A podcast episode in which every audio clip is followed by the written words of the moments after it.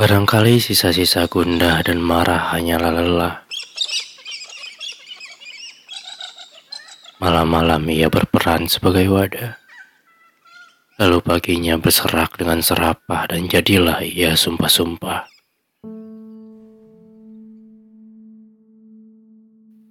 Melanjutkan kembali tulisannya semalam yang tidak tahu akan membawanya berkelana ke mana.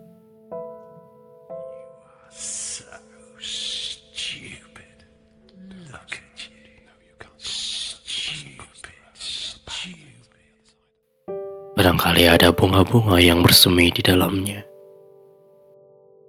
Atau hanya semak belukar yang merambat dan tumbuh liar di kepalanya saja. Menyisakan tanya-tanya. Membuatnya tanti untuk menyelami kata-kata. Ada satu hal yang tidak bisa kita lawan dalam diri kita.